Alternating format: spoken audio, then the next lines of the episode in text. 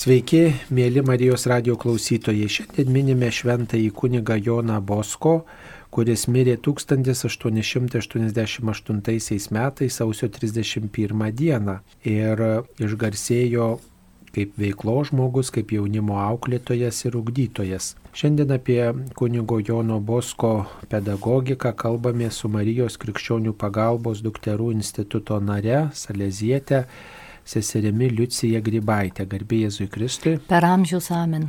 Mielas sesė, sveikiname Jūs su šio globėjo diena, tegul šventasis Jonas Bosko globoja Jūs, Jūsų bendruomenę ir visas Jūsų veiklas. Dėkui. Ir sveikinam tuo pačiu visą salėziečių šeimą, visas bendruomenės, kurioms svarbus šis šventasis. Taigi Jono Bosko pedagoginiai principai buvo įvertinti ne tik tai tarp katalikų, ne tik tai tarp krikščionių, bet ir net ir netikinčių žmonių. Galbūt mūsų klausytojams reikėtų priminti, kuo remiasi Švento Jono Bosko ugdymo sistema, kokie tie principai yra tokie svarbus ir pagrindiniai. Iš tikrųjų, prevencinė kunigo Bosko sistema remiasi trim pagrindiniais e, tokiais pilioriais, jeigu būtų galima sakyti kolonomis. Tai yra, pirmiausia, gal aš pasakysiu itališkai, kas yra originale ir paskui tas vertimas į lietuvių kalbą. Tai yra amore, fede ir radžionė. Ir amore e, geriau būtų sakyti amore voletsa, kaip sakė kunigas Bosko originalo kalba. Išvertus tai reiškia tikėjimas, protas ir amorė meilė, o amorė voletsa būtų meilingumas. Tai jeigu visai taip jau tikrai pažodžiui, tai protas, tikėjimas ir meilingumas kodėl mm, žodis turbūt labiausiai ar ne tas ar meilė, ar meilingumas, aš galvoju, mes kartais sakydavom, gal reikia lietuviškai sakyti meilė, tas meilingumas, na, meilumas, liktai toks, gali būti toks truputį, toks daugiaprasmis liktai žodis, bet vis tik tai e, pamaščiau ir galvoju, kad vis tik meilingumas yra jau brandžios meilės išraiška.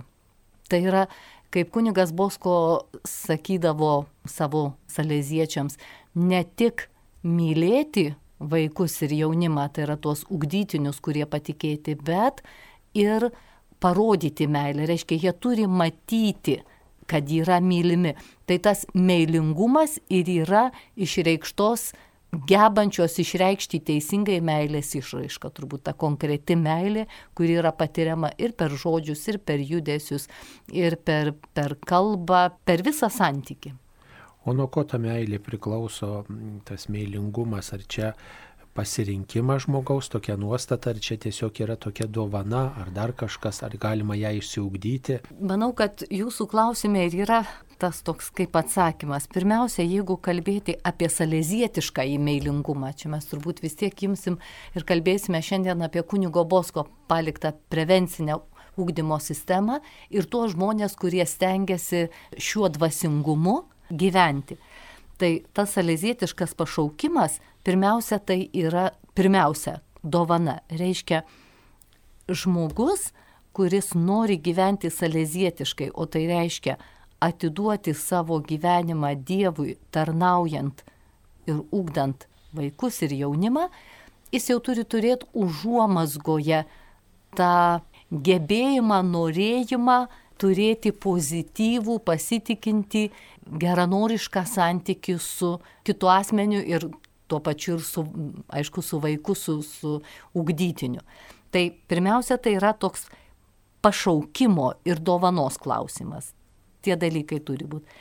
Tačiau vien to neužtenka. Tai yra ir pasirinkimas ir nuolatinės pastangos.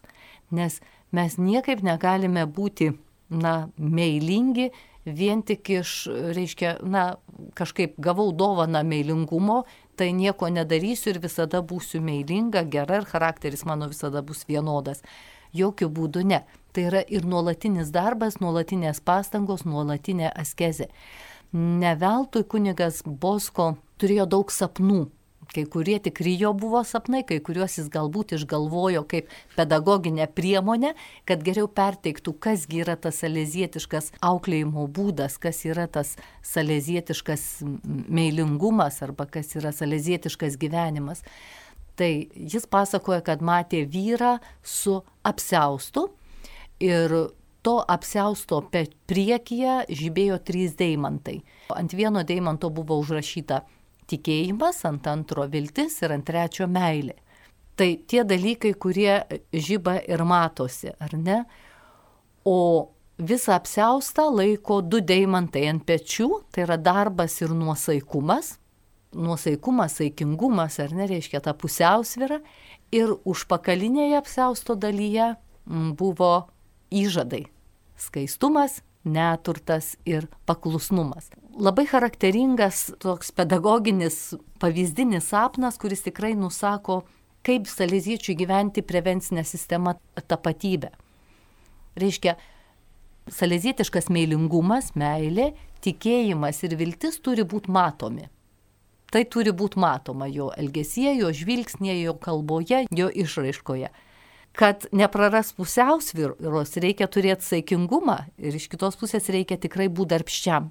O tai, kas jau mane daro tikinčią, mylinčią ir viltingą, yra įžadai, skaistumas, neturtas ir klusnumas, ko tarsi nesimato, bet kas duoda tiesiog atsvara visam, visam gyvenimui ir kas įgalina mane turėti tikėjimą, viltį ir meilę. Man tas labai labai labai patinka, kad tikėjimą, viltį ir meilę mane įgalina skaistumas, neturtas ir klusnumas. Per šitą formą, aišku, čia jau kalbu apie pašvestojo gyvenimo įžadai susisaiščiusi žmogų salėzietį.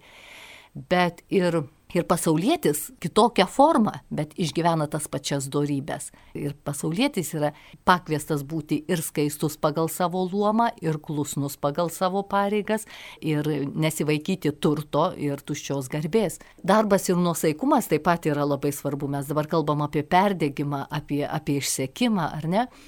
Arba apie nenorėjimą dirbti ir įsipareigoti. Tai čia darbštumas iš vienos pusės, saikingumas ir mokėjimas turėti pusiausvyrą e, iš kitos. Ir tada išlieka ta harmonija.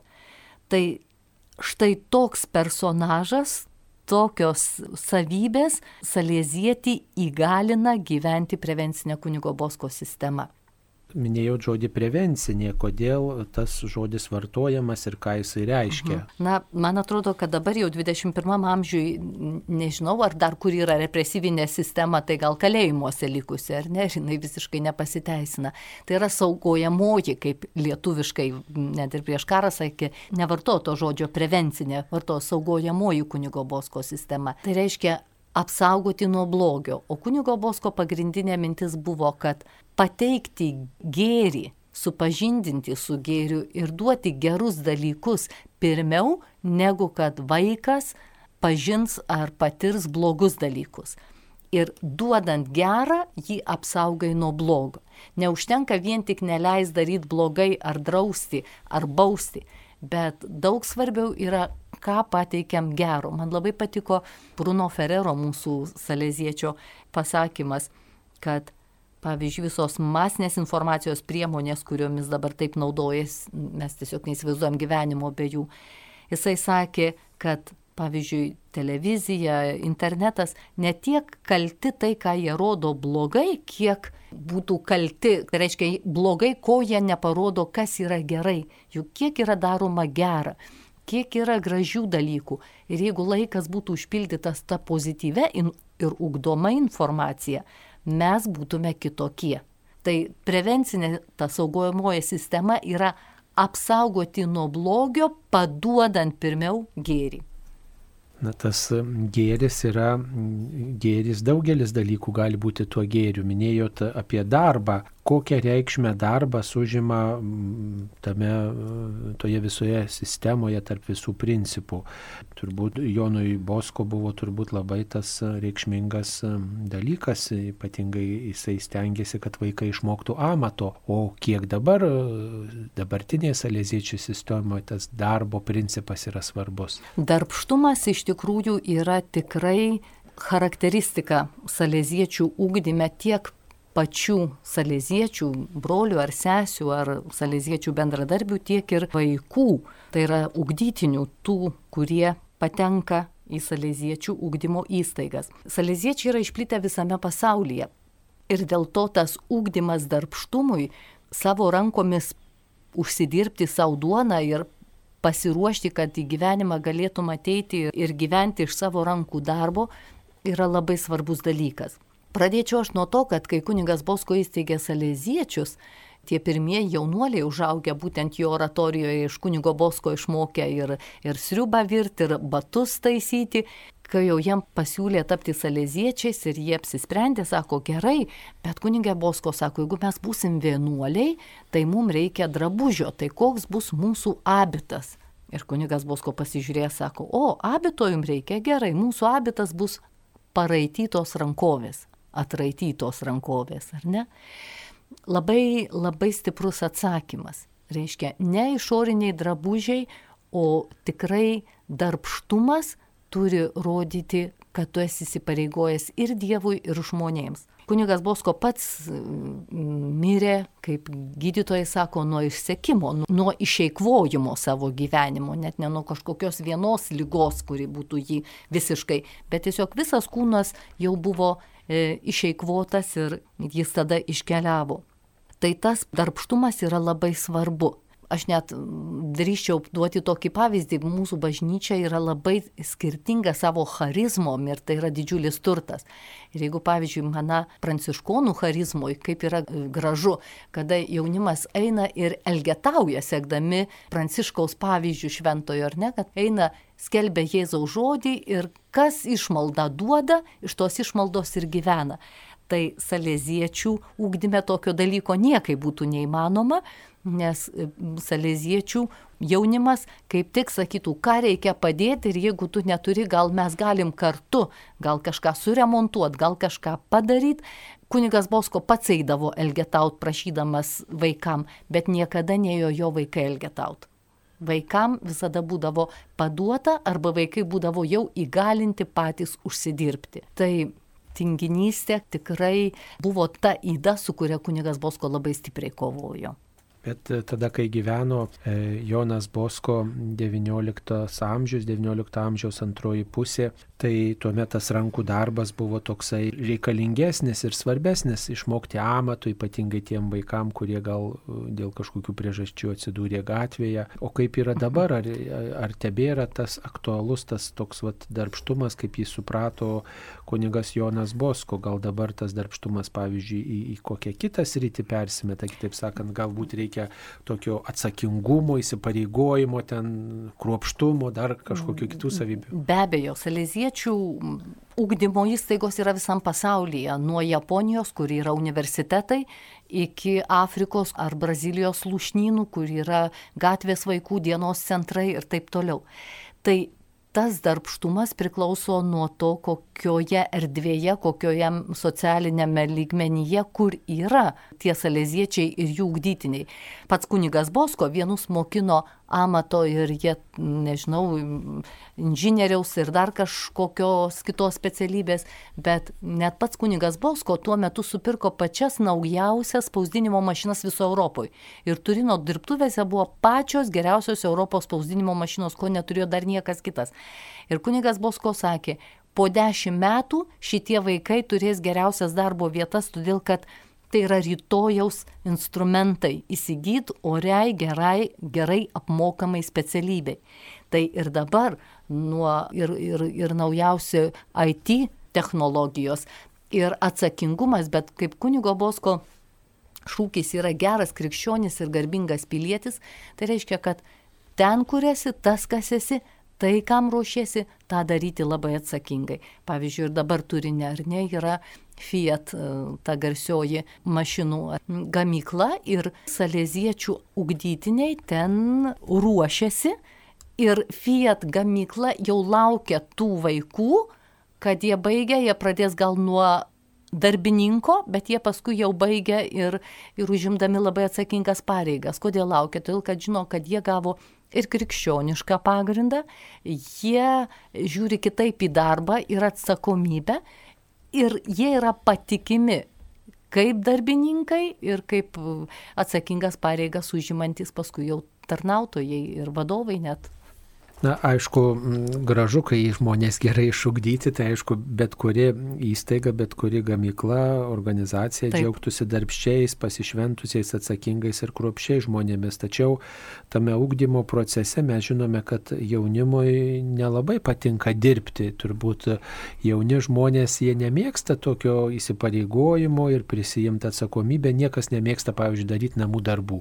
Labai retai turbūt, nu nebent gal kruopščios mergaitės, bet ne padykę berniukai. Ir bendrai jaunimas pasižymi tokiu neramumu, tokiu nepastovumu, gal tikriausiai visą tai pastebėjo ir kunigas Jonas Bosko. Kunigas Bosko tikrai labai matydavo e, ir matė, koks yra jaunimas ir pas jį atėjo jaunimas iš gatvės tas, kuris turėjo daug žaizdų, gyvenimo bėdų ar ne, nepritekliaus ir, ir jau turėjo įvairių negatyvių patirčių. Bet kunigas Bosko visada matė, sugebėjo matyti tai, kas kiekviename jaunuolyje yra geriausia. Va čia yra ta prevencinė sistema. Jis mato, kad tas vaikas yra nepastovus, jis mato, kad jam sunku, bet jis mato ir tai, ką tas vaikas myli ir kur galima per kurį kanalą prie jo prieit, kad uždegti jame tą gėrio sėklą, kad jis jau norėtų kažką daryti. Kaip jį sugebėt motivuoti, kad jam reikia tas pareigas atlikti. Ir kunigui Bosko tai pavykdavo. Tai vaiko nepastovumas, vaiko jauno žmogaus, ar net tas nesugebėjimas susikoncentruoti ir, ir nepastovumas noruose ir nežinojimas, ko noriu, yra, va čia ir yra iššūkis koncentruotis ugdytojui reikia ne į tai, bet būtent į tai, kas jame yra pozityvu. O ko tu nori? O dėl ko? Apie ką mes turim kalbėtis? Kur yra ta šviesa, kurią reikia uždegti, kad pats vaikas iš savęs žodis edukari, ištrauktų, ištrauktų tai, kas jame yra geriausia ir pradėtų daryti tai, ko jis gal anksčiau nenorėjo daryti. Nu, bet čia va ir yra tas klausimas, mhm. o kaip tome vaiko gyvenime atpažinti tas kūrybinės galės to, ko jisai nori, nes ypačiais laikais žmonės, jauni žmonės nieko nenori, jiems niekas neįdomu. Nesutikčiau. Nesutikčiau, kad šiais laikais žmogus nieko nenori ir jam niekas, ne, nu, kaip čia, neįdomu. Neįdomu, ne, jam jis tikrai nori, gal jis nežino, ko nori, bet negali jaunas žmogus nenorėti. Negali, jis, jis, jis trokšta, jis gal nežino, ko trokšta. Kiekvienas žmogus trokšta ko? Meilės. Kiekvienas žmogus trokšta būti įvertintas.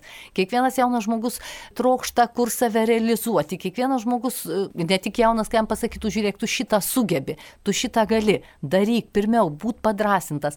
Tai čia ir yra ugdytojo iššūkis ar, ar užduotis atpažinti ir uždegti ir palydėti tuo keliu tai, ko jis nedarė, kad jis pradėtų daryti. Ir, ir nenoriu, o ko tu nori? Kalbėtis, skirti jam laiko, jį išklausyti, pavyzdį parodyti.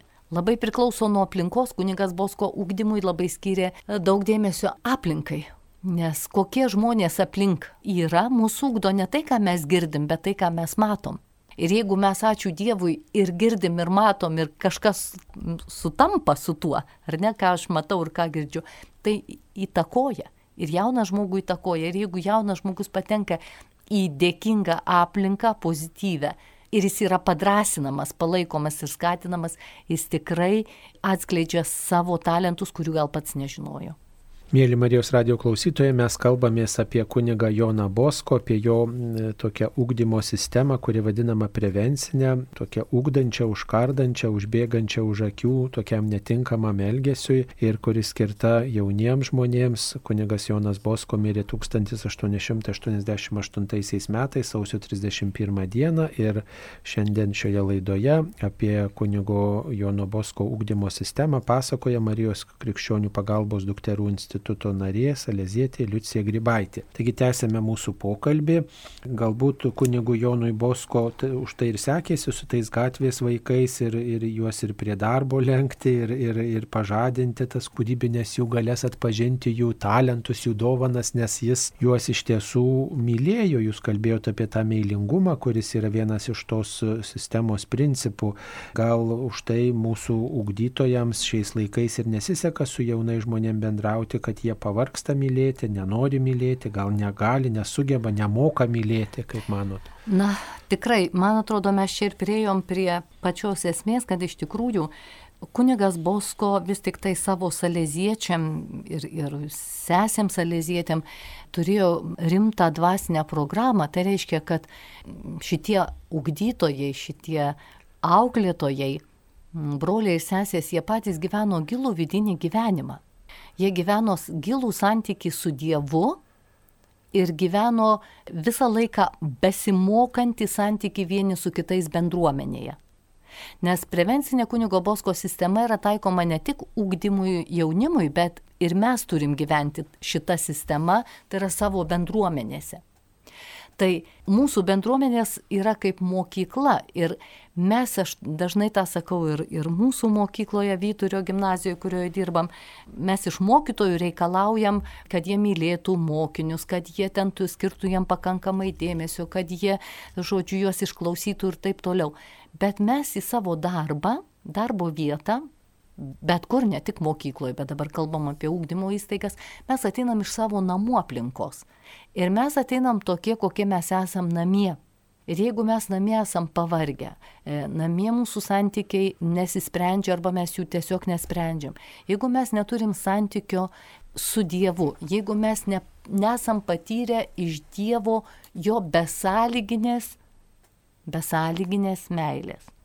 Kaip mes galim besąlygiškai bandyti mylėti, mes niekad visiškai besąlygiškai, ne, visą laiką mūsų meilė nėra tobula. Bet jeigu mes nepatiriam besąlyginės Dievo meilės, kaip mes galim e, priimti vaiko pakartotinas klaidas ir taip toliau. Kaip jūs labai gerai sakot, e, žmogus pavarksta, žmogus supyksta, galų galę sako, čia ne mano reikalas, aš jau pavargau, aš savo darbo valandas atidirbau, daugiau iš manęs nebereikia. Tai šita tikroji kunigo bosko prevencinė sistema iš ugdytojo reikalauja tikrai daug.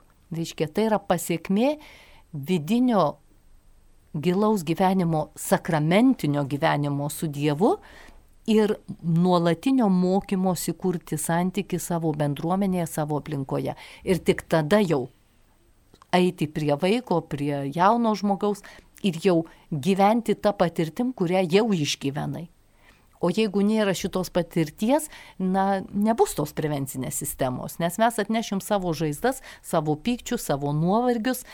Lygiai tas pats, kaip būna, kad darbe kažkas įvyksta ir žmogus grįžta atgal į šeimą ir į šeimą parsineša visą krūvį, ar ne? Reiškia, dabar jau vaikam nėra laiko, nes jau aš darbę pavargau, tada tėtis įsijungia televizorių, nebesikalba su vaikais. Arba mama sako, nebekvaršink man galvos, aš ir taip jau e, darbę pavargau.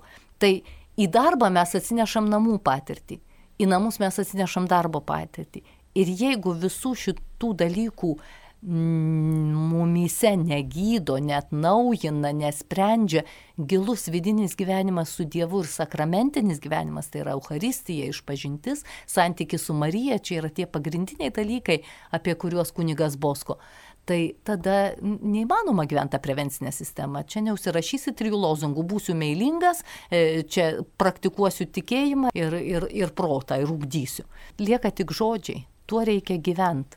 Na, tarp visų šitų principų man labai trūksta to žaidimo principo, nes, nes kaip suprantu, visose salėziečių oratorijose pasaulyje, kur teko būti, lankytis, tai visur yra kažkoks žaidimų kambarėlį, žaidimų salė, sporto kažkoks inventorius, yra kažkokios pramogos, yra išvykos, iškilos, tai kaip su tuo mhm. žaismingumu, linksmumu, kodėl jo nėra toj prevencinėje sistemoje suformuoluota kaip principu kodėl to nėra įrašyta, todėl kad turbūt tai buvo visiškai savaime suprantama. Ir čia reikia žiūrėti į istorinę perspektyvą, kada kunigas Bosko ieškojo pirmos vietos, kur galėtų su savo vaikinais apsistoti, jis ieškojo ko? Kiemo. Pirmiausia, jis ieškojo kiemo, net ne namo. Ir italų kalba labai gerai skamba, yra, sako, 3K, tai reiškia kortylė, tai kiemas, kaza, tai namai, ir kieza, bažnyčia. Bet pirmiausia, jis ieškojo kiemo. Tai tos erdvės, kur vaikai galėtų saugiai žaisti. Po to jau, kai vaikai saugiai žaidė, tada antras žingsnis buvo namai, kur galėtų turėti namų aplinką, šeimos, dvasinę šeimos patirtį, kur galėtų jausti saugus, pavalgę. Ir tada trečioji - bažnyčia kur galėtų melstis. Tai tas kiemas, kur galėtų žaisti, buvo tiesiog nuo to pradėta ir apie tai net kalbėti nereikėjo.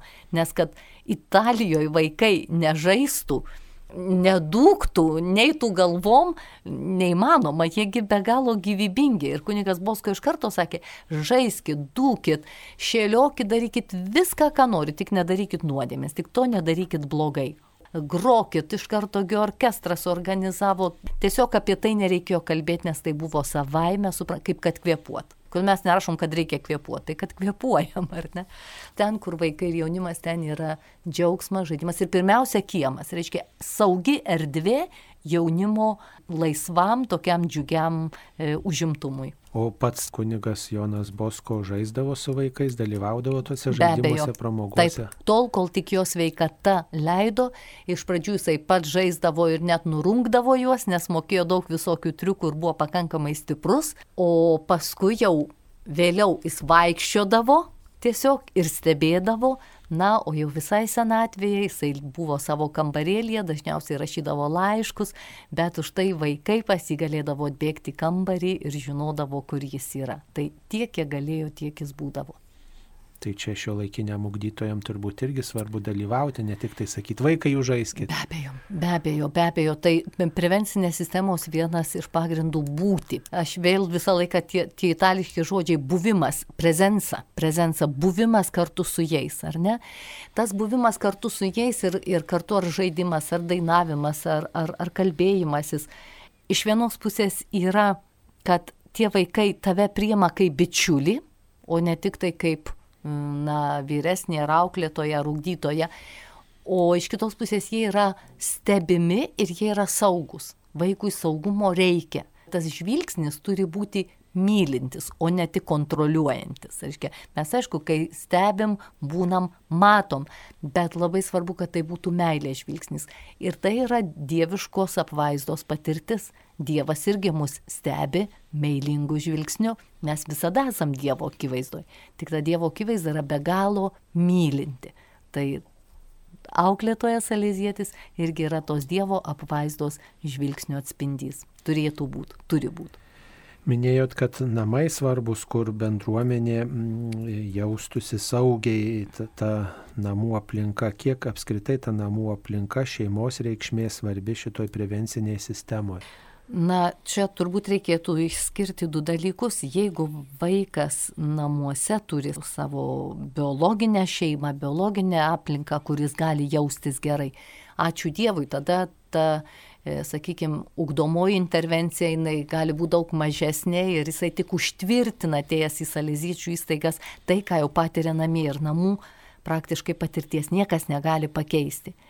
Bet mes žinom, kiek daug yra ir čia įvairūs kultūriniai kontekstai, kiek yra vaikų, kurie neturi šeimos patirties pozityvios arba dar sudėtingiau turi negatyvę patirtį. Kunigas Bosko paskui savo berniukus tai net ir trumpindavo atostogas, nes žinodavo, kad kai kur šeimose yra tikrai negatyvi patirtis ir dėl to geriau jau būt, na, kitoje aplinkoje.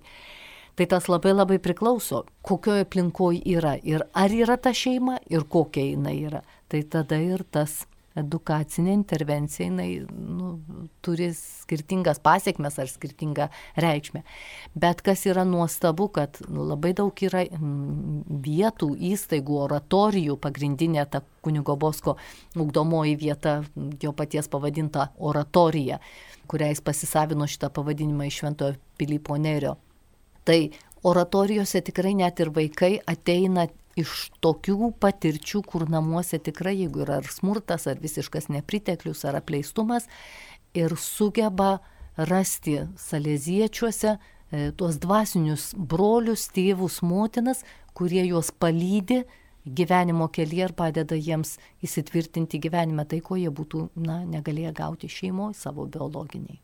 Taip, tai minėjote kiemą, mm, e, namus ir bažnyčią. Ir bažnyčią. E, taigi reikėtų keletą žodžių tarti apie tą tikėjimo perdavimą jaunimui, ką rekomenduoja kunigas Jonas Bosko. Gal, kai jis gyveno, būdavo paprasčiau perduoti krikščionišką tikėjimą ir e, tiesiog žmonės imlesni ir, ir, ir tiesiog tos informacijos nebuvo tiek daug apie viską ir tuo pačiu apie Dievą žmonės galbūt būdavo labiau ištroškę tą žinią priimti, tuo pačiu ir jaunimas. Taip, iš tikrųjų čia vėl labai vairūs kontekstai, kad dabar jau jaunimui yra daug sunkiau atrasti asmeninį santyki su Dievu tas yra savaime suprantama, todėl kad tikrai labai maža dalis jaunų žmonių, kurie gauna tikėjimą na, savo aplinkoje, savo šeimoje. Toliau informacinis visas laukas, kuris ne tik tai duoda, bet ir žaloja jaunimą. Ir vis tik tai, manau, kad dabar labai svarbus yra to dvasinio palydėjimo, gal net oficialiai to neįvardinant, bet jaunimui labai svarbu, kad būtų žmonių, vyresnių žmonių, kuriais jie galėtų pasitikėti ir kurie jam būtų autoritetas, su kuriais jie galėtų kalbėtis ir kai Kai jiem iškyla klausimų, klausimų jiem kyla labai daug. Ir kai jiem reikia e, spręsti, ką daryti, ko nedaryti, kad jie galėtų išgirsti, kalbėtis ir nu, skausmingai, bet ieškoti atsakymo ir ieškoti kelio. Tai tikrai yra sudėtingiau, bet tikrai yra įmanoma. Ir Aš matau vieną iš tokių labai, na, tokių perspektyvių dalykų. Jaunimas labai imlus savanorystiai. Jaunimas nori save kažkur atiduoti. Jaunimas nori parodyti, kad jis kažkam gali kažką padaryti naudingo ir per tai savo savivertę įtvirtinti. Čia yra abipusė nauda ir tam, kam padedi, ir saviugdai. Tai per savanorystę kartais tikrai lengviau yra atrasti santyki gydantį su kitu žmogumi ir paskui net ir kelias į Dievą. Yra labai daug įvairių būdų, kaip prakalbėti. Tai šitoje vietoje, manyčiau, vėlgi kaip saleziečiams mums reikia orientuotis ne į tai, kaip yra sunku, bet matyti, o kas palengvina tą kelią. Ir kur tik matai galimybę plyšį per ten ir eit. Kažkoks klausimas, kažkoks pasiūlymas, jaunimui kažkokia iškilo kažkokias sunkumas ar ką. Ir per tai ir kažkaip jaunimas, jaunimas tikrai labai labai, tikrai e, reaguoja, tikrai, tikrai atliepia.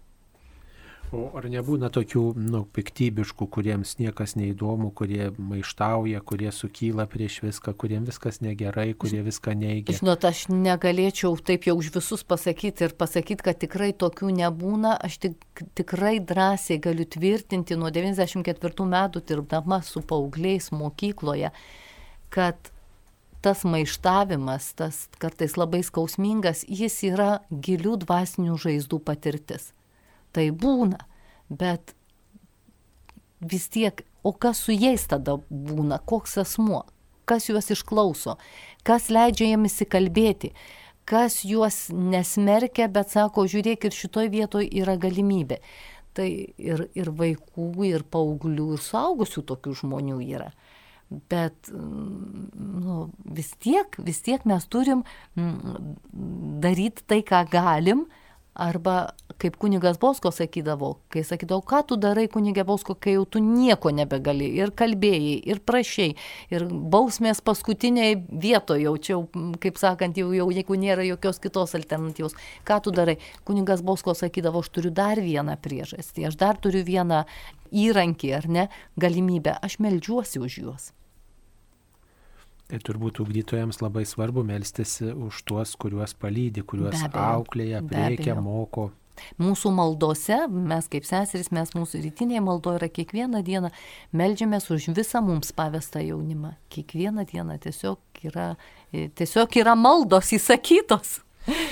Taip, jūs minėjote žodį bausmė. Tai Taip. tikrai yra labai įdomus dalykas, nes mm. turbūt ne vienas jaunas žmogus neužaugo, mm -hmm. nesulaukęs kažkokios bausmės ir ne vienas mm -hmm. ugdytojas turbūt taip, e, kaip čia pasakyti, nevykdė savo darbo, netaikydamas bent minimalios bausmės. Taigi mhm. labai įdomu, kaip šventasis Jonas Bosko elgėsi va, šitų klausimų, mhm. ar bausmė buvo taip pat jo įrankis ugdymo.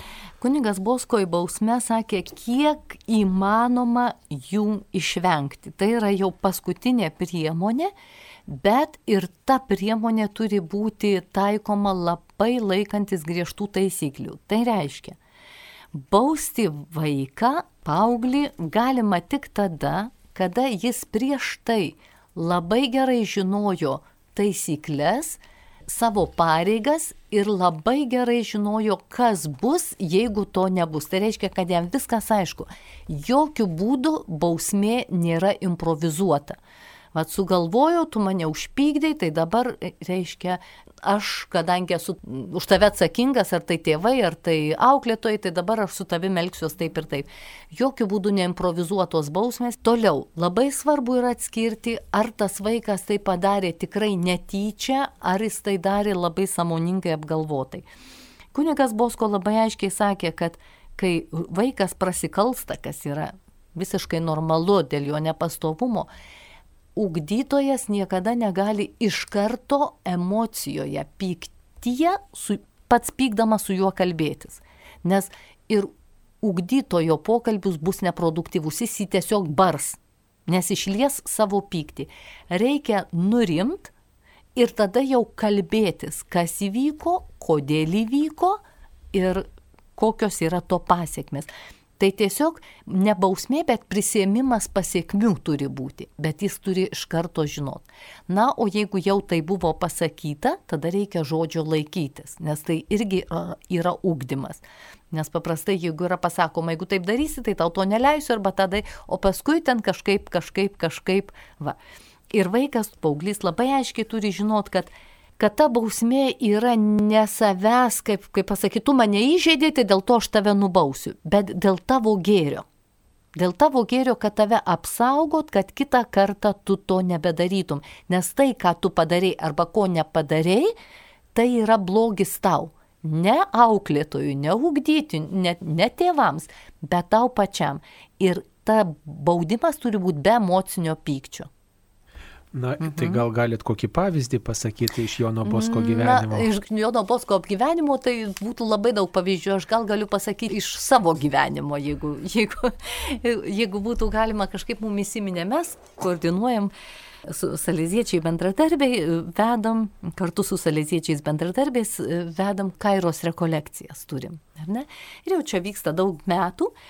Ir atvažiuoja jaunimas ir mes jiem iš karto susakom taisyklės, ko negalima. Ir kadangi atvažiuoja jau vyresni, ten 14, 16, 17, 18 metų, mes pasakome, kad mm, jeigu bus ten, ar rastume kažkokias psichotropinės medžiagas ar alkoholį, jūs iš karto čia buvo Šiluvoje, pranešam tėvam, mokyklai ir jūs važiuojate namo, jum programa nutraukta. Tokios yra taisyklės. Nu ir aišku, visi palinksi galvą, viskas labai gerai. Štai vienos grupės metu Mes, aišku, naktį praeinam patikrinti ir atidarom vieną kambarį ir iš karto užuodžiam, suprantam, kad buvo vartotas alkoholis jaunimo. Ir jie, aišku, įsigando, oi, atleiskit, mes tai vienu žodžiu. Ir mes pasižiūrėjom juos ir sakom, gerai, mes jums tikrai atleidom, jūs atsiprašėt ir atleidom. Ir jie tokie laimingi, patenkinti, mes nieko nei barėm, nei moralų skaitėm, nieko, sako, mes atleidom. Va. Ir ryte 8 val. paskambinam tėvam, kadangi turim telefonus, pranešam mokyklai, vėl ateinam į jų kambarį ir sakom, o dabar e, susideda daiktus ir mes jūs nuvežam, reiškia, iki raseinių, o nuo raseinių jau turi atvažiuoti jūsų tėvai. Taigi mes atsiprašym, taigi jūs mum atleidot. Taip sakom, Ir jūs kitą kartą galėsit vėl atvažiuoti šitą programą, jeigu tik norėsit. Mes jum atleidom, jūs atsiprašėt, bet yra susitartos taisyklės. Ir tai yra pasiekmes, dabar susideda daiktus ir važiuot. Jokio pykčio, jokių moralų neskaitėm nei vieno, kad kodėl, ar mes jum nesakėm, ar taip toliau.